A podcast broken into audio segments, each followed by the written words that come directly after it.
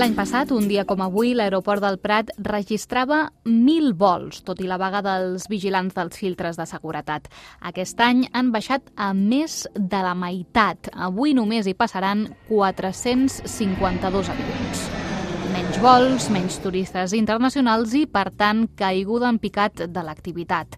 En el cas de Barcelona només estan oberts el 25% dels hotels i els pocs cobren estan pràcticament buits, amb una ocupació d'entre el 10 i el 15%. Manel Casals, gerent del Gremi d'Hotels de Barcelona.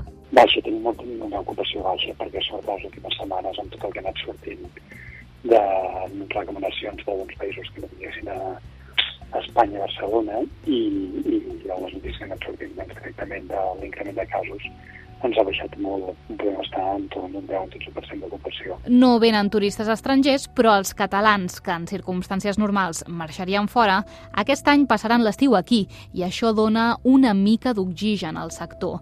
També estan ajudant a passar millor la temporada els visitants que venen del sud de França.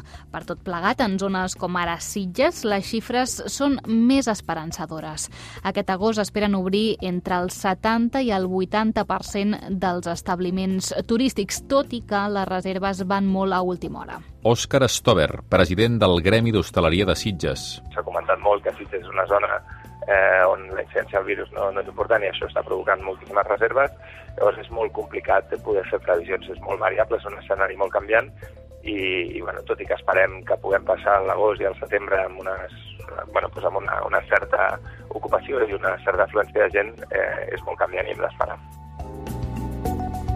Els 350 càmpings que hi ha a tot Catalunya estan oberts, però l'ocupació ronda el 50%. Hi ha llocs com la Costa Brava i la Daurada que habitualment depenen molt dels turistes internacionals que han patit més. En canvi, els càmpings de muntanya els va una mica millor.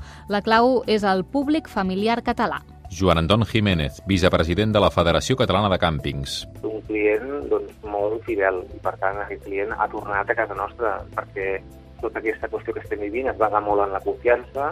Molts coneixen eh, d'una tradició de molts anys l'empresari directament dels serveis any rere any i saben que els empresaris de càmping hem fet tot el possible per tenir els establiments complint totes les normatives de prevenció de la Covid.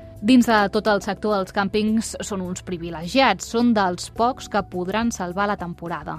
La situació als hotels de Barcelona és molt diferent. Preveuen pèrdues d'almenys 850 milions d'euros i estan en perill uns 60.000 llocs de treball directes i indirectes. Per això fan dues peticions clares a les administracions, que puguin allargar el ERTO per força major com a mínim fins a finals d'any i que donin missatges clars a la gent per almenys assegurar l'ocupació amb turistes locals.